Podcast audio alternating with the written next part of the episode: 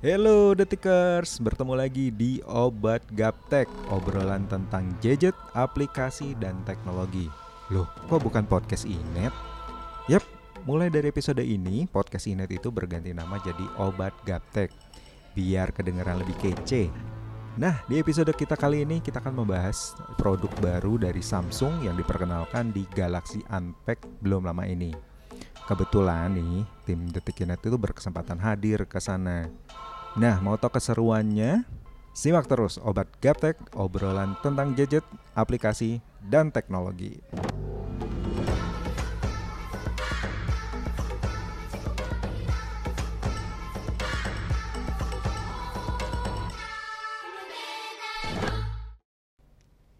Nah, seperti tadi yang diungkapkan di muka, kalau tim Detik United itu datang langsung ke Galaxy Unpack yang berlangsung di San Francisco, Amerika Serikat dan kebetulan sudah pulang ke Indonesia dan kita akan siap mengobrol-ngobrol langsung soal keseruannya di sana dan ini ada ada Mas Vino Yurio Kristo. Ya, halo Detikers, halo Mas Adi. Eh, cerita-cerita kemarin gimana nih? Uh, acara Galaxy Unpack. Bisa diceritain gak sih uh, apa yang beda dari tahun-tahun sebelumnya gitu? Oh ya, uh, untuk trip kali ini sih lumayan seru ya karena bertepatan dengan wabah virus corona itu. Jadi nah. kita persiapannya itu lumayan ribet dibandingkan sebelumnya. Misalnya uh, dari penerbangan aja kan itu kita harus memilih jalur yang uh, negaranya tidak kena virus corona dan itu lumayan ribet sampai hmm. beberapa kali ada pergantian uh, maskapai gitu. Terus segala macam masker, ada apa? disinfektan itu kita juga dibekali itu dengan briefing nanti kalau di pesawat kita harus pakai masker, harus sering-sering pakai disinfektan gitu. Ya lumayan parno juga sebenarnya di awalnya, tapi ya udah akhirnya kita pasrah aja lah pokoknya asal kita menjaga kesehatan sih semoga terhindar gitu sih. Kemarin penerbangannya tuh lewat mana? Lewat Hong Kong kah? Atau lewat mana sih? Nah itu awalnya pihak pengundang Samsung itu awalnya hmm. itu mau lewat Hong Kong kan, tapi hmm belakangan kan ada larangan uh, penerbangan ke Amerika Serikat dari Cina. Nah takutnya Hong Kong juga kena kan nggak lucu kalau misalnya dari Hong Kong kita ke Amerika ditolak nggak bisa masuk nggak bisa unpack dong. Akhirnya diganti lewat Jepang. D uh, akhirnya kita dengan maskapai Ana kita ke Narita baru ke San Francisco. Itu berapa jam? Lumayan lama sih. Kita kalau dari Indonesia ke, ke Jepang itu kan sekitar 7 jam. Terus dari Jepang ke San Francisco itu sekitar uh, 10-11 jam lah. Jadi totalnya ada sekitar 18 jam. Itu belum termasuk transit. Tapi sebenarnya jalur ini termasuk yang paling dekat sih dibandingkan misalnya dari timur tengah gitu. Hmm. nah kalau acara sendiri kemarin tuh di mana sih uh, tempatnya sendiri gitu? Tempatnya itu di pusat kota San Francisco di dekat jembatan Golden Gate. Pasti ketika sudah tahu lah hmm. Golden Gate itu kan ikonik banget. Nah di dekatnya itu ada namanya The Palace of Fine Arts. Jadi itu tempatnya itu kayak bangunan yang klasik gitulah. Dulu tempat untuk menyimpan benda-benda seni gitu. Terus ada auditoriumnya juga. Nah kita di situlah peluncuran pertama kali Galaxy S20 sama Z Flip. Uh, lu sendiri kan pernah uh, menghadirin Galaxy Unpacked gitu ya. Ada perbedaan gak sih dengan dengan sekarang gitu? Kalau dari suasana acara sih tidak jauh berbeda. Samsung kan selalu memilih sebagai vendor global dia tuh selalu memilih kota yang banyak dikenal untuk meluncurin flagship. Dulu pernah unpack itu di New York, di Barcelona, di London juga pernah dan sekarang di San Francisco dan yang diundang wartawan tuh sangat sangat banyak. Jadi suasananya tetap nggak jauh ya. beda. Kalau unpack kali ini tuh gue nunggu-nunggu aksi bos baru Samsung gitu kan. kan kalau dulu kan DJ Koh gitu ya. Beberapa oh, ya, tahun DJ Koh sekarang uh, TM Pak Roh kan. Nah, iya. nah itu gimana? Dia uh, tampilnya kayak apa? Ada bedanya gak sih daripada sebelum-sebelumnya? Nah ini sebenarnya nah. jadi kita belum belum bisa ngelihat secara jauh sih gimana uh, dia gitu. Tapi dari penampilannya hmm. ini kayaknya dia berusaha tampil muda gitu. Kita lihat sepatunya kan sepatu catch ya biasanya pakai pantofel gitu terus ya kayak anak muda mungkin berkaitan dengan produk yang mau diluncurin kalau ngomong ngomong soal uh, produknya sendiri kan ada lima produk yang diluncurkan. Iya. Nah kita bahas satu-satu nih. Kayaknya memang semuanya punya daya tarik sendiri-sendiri nih. Iya benar. Nah, ngomongin Galaxy S20 series sendiri, apa yang menarik dari handphone ini? Yang jelas yang paling nyaman di genggaman jelas S20 karena dia paling kecil.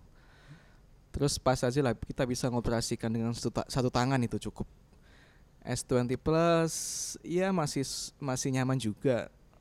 Agak besar dikit sih tapi masih dalam batas yang enak lah dalam genggaman. Yang agak gede sih ya jelas Galaxy S20 Ultra itu Feel-nya masih oke lah dalam genggaman tapi mungkin kalau pengguna belum terbiasa sepertinya harus pakai dua tangan deh itu S20 Ultra itu secara feel dalam apa genggaman kayak gitu sih Samsung ini menonjolkan sektor kamera ya di trio Galaxy S20 ini terutama di S20 Ultra secara umum yang eh, jadi eh, apa yang ditonjolkan Samsung kemarin itu kemampuan zoom sama perekaman video bisa sampai 8K.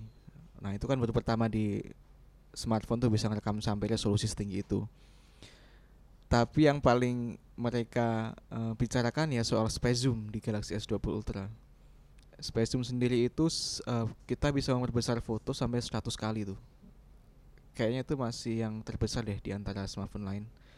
Jadi misalnya kita foto Jakarta dari atas, terus kita pengen ngelihat eh, stadion GBK gitu ya tinggal gedein aja ke Senayan nanti kelihatan tuh stadion GBK-nya memang tidak sangat jelas tidak bukan dalam resolusi yang bukan dalam resolusi yang tinggi tapi seenggaknya masih Ketangkap kelihatan ya lah gitu kalau ya. itu GBK gitu itu yang perlu ditonjolin sih Ada nggak sih yang fitur-fitur baru yang di seri sebelumnya belum ada gitu? Nah ini ada yang cukup menarik sih namanya single take. Jadi single take ini gunanya untuk merekam momen berharga. Misalnya nih eh, pacar kita sedang ulang tahun gitu. Kita kan Hmm. kadang bingung tuh ngambil foto atau video, Ya, apa Ribet. video, foto apa gitu ya? foto Heeh. video terus malah nanti hilang momennya kan. Heeh. Nah single take ini jadi solusinya. Jadi kita cukup nekan shutter kalau nggak salah selama 10 detik deh. Pas momennya itu kita neken shutter kayak Pas biasa aja lilin gitu. itu pas ya? lilin kita niup shutter. Ya udah pas udah 10 detik kita lepas nanti hasilnya bukan cuma satu foto atau satu video gitu, malah langsung ada tujuh konten sekaligus kalau nggak salah. Wow. 7 atau 10 ya, 7 kalau nggak salah. Jadi ada empat foto sama tiga video yang dipilih paling bagus langsung tampil. Kita bisa langsung pilih pilih yang mana tuh atau sekedar kita simpan buat eh, kenang-kenangan kan. Jadi fitur ini kalau menurutku sih bukan cuma gimmick tapi memang berguna untuk merekam momen yang kita anggap penting gitu. Jadi pilih yang mana langsung bisa di-upload bisa aja diupload ya. juga atau Yang disimpan. Malah malah mungkin pusingnya milih yang mana nih yang Nah, harus di iya. itu ya. karena kata Samsung sih yang Hmm. tampil tuh adalah foto-foto yang dipilih paling bagus Paling oleh. AI-nya gitu. Kayaknya itu juga nggak ada di eh, smartphone lain. Smartphone lain ya. Dan itu kalau ngelihat cara kerjanya bukan sederhana sih karena kata Samsung itu kan butuh fitur single tag ini dibaliknya butuh prosesor yang canggih karena ini kan S20 ini pakai Exynos 990 yang di Indonesia ya. Jadi Exynos 990 ini bisa mengaktifkan multisensor. Jadi pas kita jepret itu semua sensor, sensor kameranya itu jalan secara simultan gitu. Jadi itulah makanya bisa dihasilkan banyak foto sama video sekaligus dengan cara mengaktifkan semua sensor dan AI-nya gitu. Jadi sebenarnya fitur yang kayaknya sederhana tapi dibaliknya butuh Butuh but- kekuatan kekuatan prosesor yang bagus. Itu sih. Nah, lalu yang agak menarik gini, rumor-rumor sebelum peluncuran itu kan ada yang nyebut kalau eh, semua S20 series itu akan ditenagain sama Snapdragon dan termasuk yang di Indonesia gitu. Itu sempat sempat nanya sama orang Samsung nggak sih? Iya, ya itu kan rumor cukup kencang ya kalau semuanya akan pakai Snapdragon. Ternyata Hmm. yang mengejutkan Samsung tetap di pola yang lama. Jadi yang Exynos dilempar ke pasar Indonesia sama Eropa kalau nggak salah terus Snapdragon 865 itu di pasar Amerika gitu.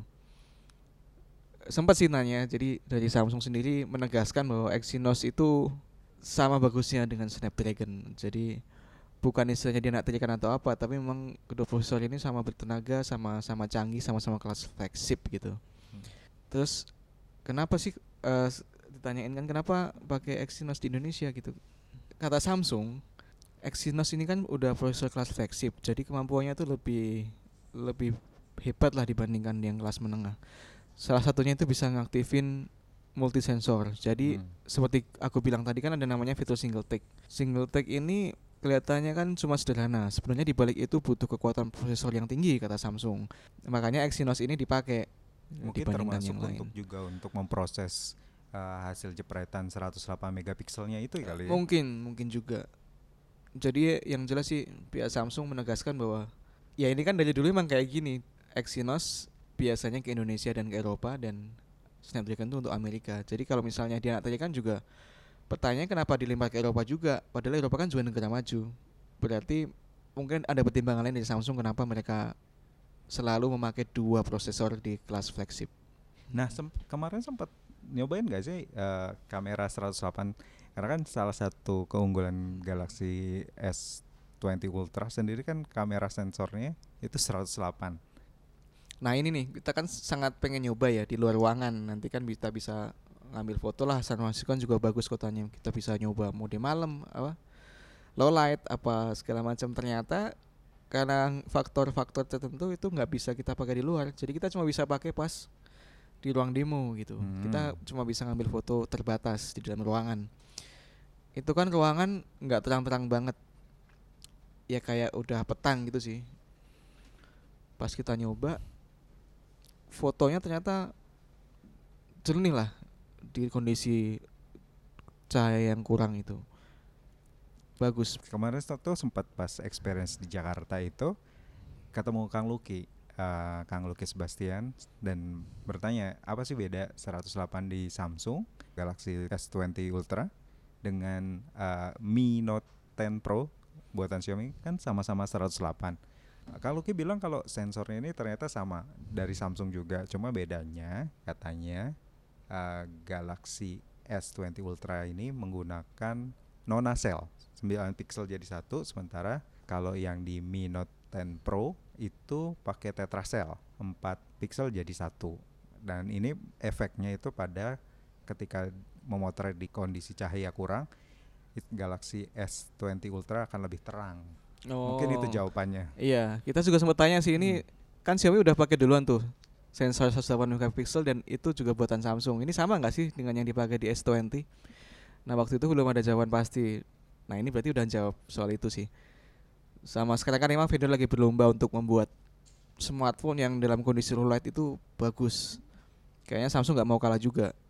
Dan kalau dari dari kesan, pertama sih mereka berhasil lah meskipun memang butuh pengujian lebih lanjut nantinya. Gitu. Nah, yang juga nggak kalah menarik di Unpack itu kan uh, Galaxy Z Flip ya. Pas Nah, pertama itu. mulai pun langsung diperkenalnya Iya. ponsel layar lipat ini gitu. Itu waktu pas uh, experience sendiri gimana rasanya? Ya kita kaget itu pertama kali masuk kan kita ngang- kita asumsinya ya S20 yang muncul. Ternyata yang pertama kali muncul itu malah Z Flip.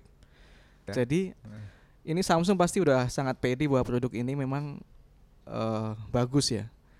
Karena mereka langsung terang-terangan menunjukkan ini ini loh Z Flip dan bisa langsung dicoba dan bisa langsung dibeli juga. Setelah kita coba sendiri di ruangan untuk mencobanya itu, setelah acara memang Z Flip ini ponsel layar lipat yang sudah fungsional ya. Misalnya kalau kalau Galaxy Fold sama Huawei Mate itu kan kayak masih banyak gimmicknya lah untuk ponsel terus kita buka jadi tablet. Kalau ini Ah. beneran ponsel kita lipat jadi, Jadi separuh compact. ponsel yang lebih kecil lebih compact gitu.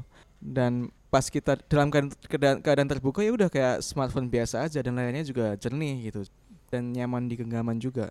Dia kan dari kaca juga. Itu kan terobosan baru karena belum pernah ada. Kemarin kan Galaxy Fold tuh pakai plastik ya. Ini udah pakai Hmm. kaca, Kaca tipis katanya. kaca ya. tipis dan apa kalau di Galaxy Fold itu kan kerutannya masih agak kentara lah. Kalau ini Hmm. itu kalau kita nggak benar-benar ngelihatnya itu udah bisa tersa- tersamarkan gitu. Jadi memang udah jadi produk yang solid pas kita pas kita tekuk itu juga mekanisme Excel-nya itu kelihatan kokoh dan solid gitu. Jadi tapi memang cukup berat ya. Jadi kalau kita eh, coba tekuk dengan satu tangan kalau belum terbiasa itu ada potensi terjatuh. Jadi mending kalau misalnya mencoba barangnya pakai dua tangan dulu baru Tangan. kalau sudah ahli baru baru pakai satu tangan. ya. Itu bisa bisa sih, tapi ada potensi untuk terjatuh Jatuh sih. gitu ya. Tapi aku pikir sih lama kelamaan juga terbiasa bukan yang berat sampai kita harus gimana gitu enggak. Tapi perlu membiasakan diri aja sih. Nanti kalau udah uh, sering pakai kayaknya udah kebiasa ya ya. nyaman-nyaman aja sih ya. kalau aku sih berpendapat ya Z Flip ini benar-benar ponsel yang lipat saat ini yang benar-benar udah fungsional ya. Jadi fitur yang ada itu bukan sekedar gimmick tapi memang berguna. Yang yang paling kentara sih itu. Jadi pas kita buka layarnya dari kondisi tertutup itu dia bisa berdiri sendiri dalam sudut 90 derajat atau lebih. Jadi implementasinya itu misalnya kita pengen selfie atau video call, ya udah tinggal kita letakin aja di meja itu. Uh, jadi dia nanti akan terbuka, kita tinggal ngelihat aja. Misalnya kita lagi ngetik gitu atau apa, dan lagi ada video call yang penting, ya udah kita ngetik sambil ngelihat uh, Galaxy Fold-nya. Itu bisa terbuka kayak laptop gitu. Berarti dan itu otomatis uh, misalnya kita ngakses kamera itu layar atasnya dan bawah langsung split screen layar atas itu akan ada view finder buat mm-hmm. buat apa kameranya, kameranya terus bawahnya buat tombol-tombol operasionalnya gitu mm. begitu juga kalau misalnya kita buka WhatsApp gitu nanti di bagian bawah langsung otomatis papan ketik, papan ketik. nah atasnya itu pesannya gitu jadi wow. itu udah otomatis dan aku pikir itu kekuatan utama dari Galaxy Z Flip dia bisa berdiri tegak seperti itu dan fungsional gitu berarti cocok lah yang suka main TikTok ya karena ya, buat main TikTok juga cocok banget. Karena kita kan nggak perlu megangin lagi nggak perlu penyangga lagi. Udah tinggal taruh meja tinggal apa goyang-goyang aja gitu. Hmm. Hmm. udah nyobain TikTok nggak kemarin di sana? Pakai sayangnya ya itu tadi belum bisa dibawa. Jadi kita masih hmm. di dalam dan itu kan padat banget kan. Itu wartawannya itu kalau nggak salah ada ribuan lah. Bukan cuma wartawan ada youtuber juga. Jadi mereka langsung menyerbu ruangan itu mereka langsung agresif banget megang barangnya langsung review gitu. Jadi kita nggak sempat nyoba yang gimana gimana ya itu sih. Mungkin kita bakal lebih tahu lagi kalau kita udah megang barangnya nanti gitu. Tapi menurut lo sendiri flip ini lebih cocok untuk cewek atau cowok sih? Karena kan kalau tampilannya tuh kayak yeah. kosmetik bedak gitu. Ya kalau kata Dian Sastro sih dia suka banget karena kayak bedak gitu dan stylish ini gampang banget masuk ke kantong kantong celana jeans. Tadi aku pakai blazer masuk ke kantong blazer tuh bisa gampang banget karena juga pas di, udah dilipat pun dia tipis. Saat ini aku juga lagi pakai telepon Samsung Galaxy Fold dan dia tuh beda banget. Kalau misalnya dilipat dia masih agak tebel gitu. Walaupun memang Fold itu enak banget deh tapi ini jauh lebih kayaknya lebih slim gitu loh. Walaupun sebenarnya mungkin sama-sama aja ya cuma kayak buat aku tuh rasanya lebih slim karena mungkin lebih iya terus aku juga ngerasa kan kalau kita kan cewek-cewek makin lama kan trennya kebetulan tas itu semakin kecil semakin yeah. keren. Terus semakin beriringnya waktu kita jadi perlu handphone yang jauh lebih kecil. Nah handphone ini sebenarnya nggak kecil dia sebenarnya sama ukurannya cuma dia bisa dilipat dan bisa ditaruh di dalam tas. Yang paling ngebantu banget tuh kalau aku kebayang kalau misalnya aku harus datang ke acara resmi ke kawinan siapa gitu biasanya kan kita pakai tas itu yang kalau pesta tuh makin kecil tuh clutch. Clutch. Bag bisa masuk tuh enak banget. Misalnya red carpet bisa masuk. Coba kebayang nggak red carpet pakai ginian tuh ini handphone pasti nggak bisa masuk si clutchnya. Jadi harus dipegangin sama asisten atau di, di, di ditaruh sebelahan sama clutchnya. Jadi lebih ribet gitu. Kalau ini dia masuk oke okay banget kayak bedak. Kalau aku pikir sih kalau mirror gold gold itu udah pasti buat cewek ya karena emang berkilauan banget, keemasan, terus kayak purple juga kan? Kayak purple juga mungkin lebih uh, ke cewek juga, tapi yang hitam? Kalau yang hitam itu aku pikir untuk untuk cowok juga nggak nggak nggak masalah ya karena ya hitam kan warna netral juga. Jadi kalau kalau aku ngelihat yang hitam ini memang ditujukan Samsung untuk uh, cowok kayaknya gitu. Jadi nggak terlalu berkilauan gitu dan masih tetap tetap keren lah bisa buat cowok. Kalau uh, untuk yang gold sama purple mungkin memang lebih ke lebih ke lebih ke cewek, sih. Ya. Walaupun mungkin, mungkin ya nggak apa-apa sih kalau mau pakai juga cowok. Mungkin kalau yang cowok pilih, pilih yang edisi spesial Tom Brown Tom itu ya. Brown ya. Tom, New York. Tom Brown itu bentuknya kan kayaknya keren banget gitu untuk ya yeah. siapa pun sih sebenarnya bisa. Iya, lebih, untuk siapa pun sih.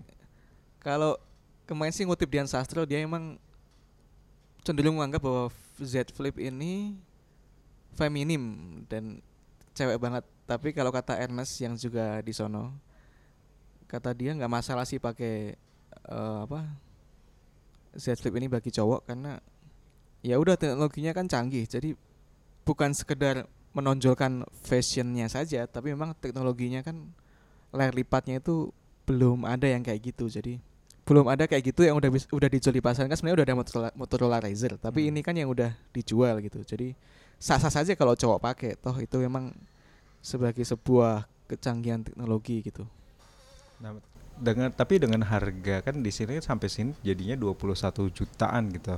Itu sepadan gak sih dengan semua pengalaman dan fitur yang diberikan oleh Z Flip sendiri? 21 juta itu kan udah cukup jauh di bawah Galaxy Fold ya Dan bahkan lebih murah katanya dibanding Motorola Razr. dan lebih murah dari Motorola Razr.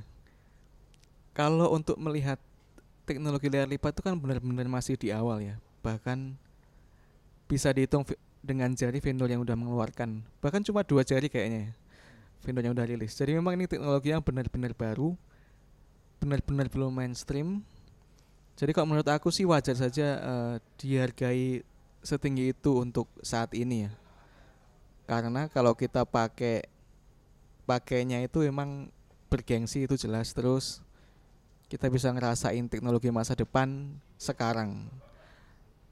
Dan mungkin emang karena bisa dilipat layarnya lebih mahal komponennya lebih mahal juga. Jadi otomatis berdampak ke biaya. Baru nanti kalau udah mainstream sih seperti hukum pasar saja pasti juga turun harganya untuk saat ini harga seperti itu mengingat dia itu sudah cukup jauh di bawah Volt berarti ada perkembangan yang bagus dong karena semakin murah mungkin setahun lagi juga makin murah lagi Tapi di sini juga mahal-mahal juga tetap laris. 60 menit. tetap laris ya 66 menit. 60 menit sangat banyak yang ingin mencoba Mm-mm. Z Flip sih Nah, perangkat terakhir nih kan ada Galaxy Bud Plus sendiri.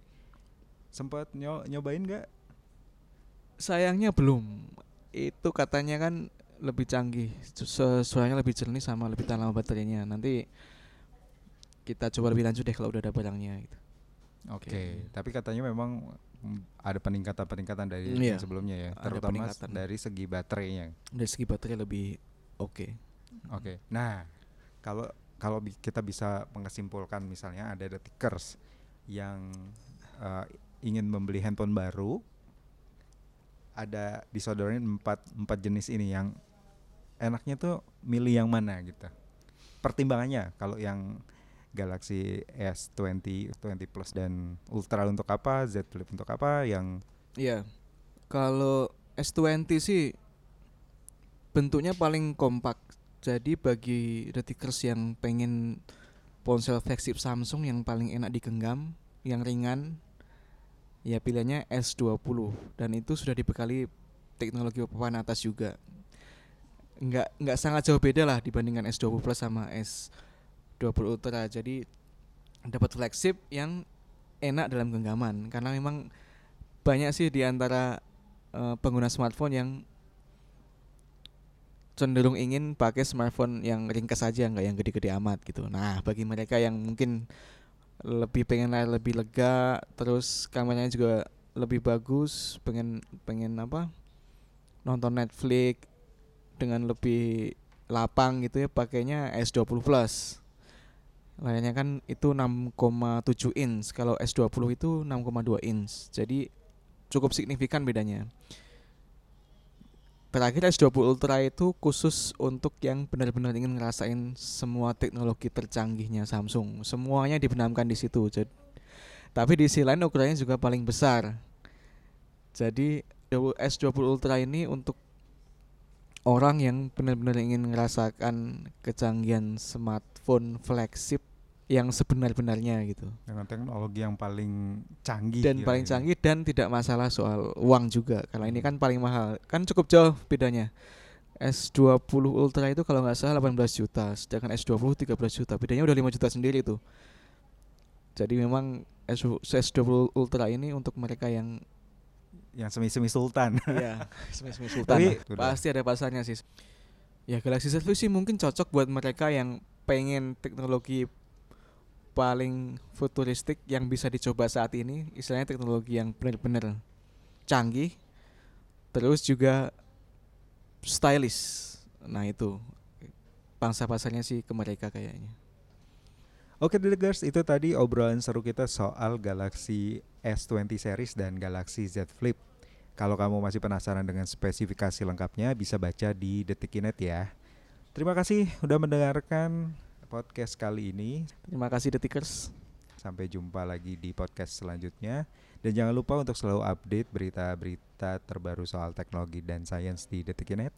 Follow juga akun Instagramnya dan Twitter di @detikinet. Sampai ketemu lagi. Bye.